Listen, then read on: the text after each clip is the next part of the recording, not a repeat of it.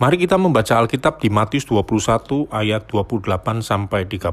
Tetapi apakah pendapatmu tentang ini seorang mempunyai dua anak laki-laki? Ia pergi kepada anak yang sulung dan berkata, "Anakku, pergi dan bekerjalah hari ini dalam kebun anggur." Jawab anak itu, "Baik, Bapa." Tetapi ia tidak pergi. Lalu orang itu pergi kepada anak yang kedua dan berkata demikian juga. Dan anak itu menjawab, "Aku tidak mau." Tetapi kemudian ia menyesal lalu pergi juga kita belajar kembali mengenai hubungan kita dengan Tuhan di dalam analogi bapak dengan anak. Di perumpamaan ini kita bisa melihat dua pribadi yang disebut sebagai anak. Respon yang berbeda di saat mereka menerima perintah dari bapaknya. Anak yang pertama meresponi dengan baik tetapi tidak melakukannya. Anak yang kedua meresponi dengan tidak baik, tetapi kemudian dia menyesal dan melakukan perintah bapaknya. Kata kuncinya adalah menyesal. Pada minggu kemarin kita belajar mengenai anak bungsu yang berbalik kepada bapaknya di saat dia mau mengenal dirinya sendiri. Pengenalan diri yang benar akan membawa kepada pengenalan Tuhan yang benar. Di dalam perumpamaan di Matius 21 bisa kita paralelkan dengan perumpamaan di Lukas 15. Ada kontras di antara dua pribadi. Pribadi yang satu yang terhilang di dalam ketaatannya, tanda kutip.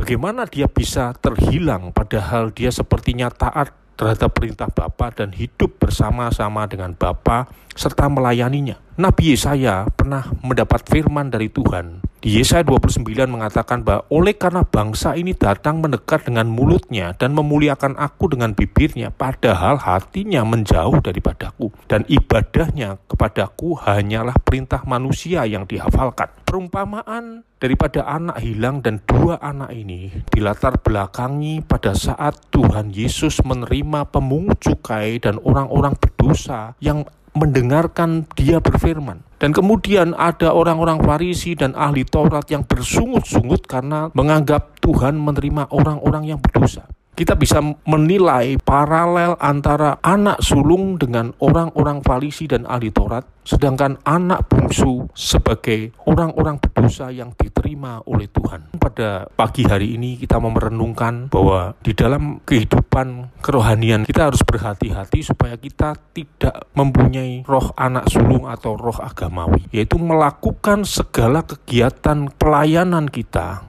yang dasarnya adalah perbuatan baik kita. Hal-hal yang ujungnya menganggap bahwa Tuhan berhutang kepada kita. Hubungan yang sama yang diceritakan oleh Nabi Yesaya bahwa hati mereka sesungguhnya jauh daripadaku. Di Filipi pasal ketiga Paulus mengatakan bahwa pengenalan akan Yesus Kristus lebih mulia dari segala sesuatu. Latar belakang yang dia anggap sebagai keuntungan. Di saat dia mengenal Yesus, keuntungan itu dianggap sebagai kerugian. Dan kebanggaannya dianggap sebagai sampah. Pada saat ini, siapa pun kita, mari kita bersama-sama menyadari bahwa hidup kita ini karena kasih karunia bukan karena perbuatan baik kita. Di saat kita sudah menyadari bahwa kasih karunia itu sudah kita terima, bagian kita kita mau mengasihi Tuhan dengan pelayanan kita.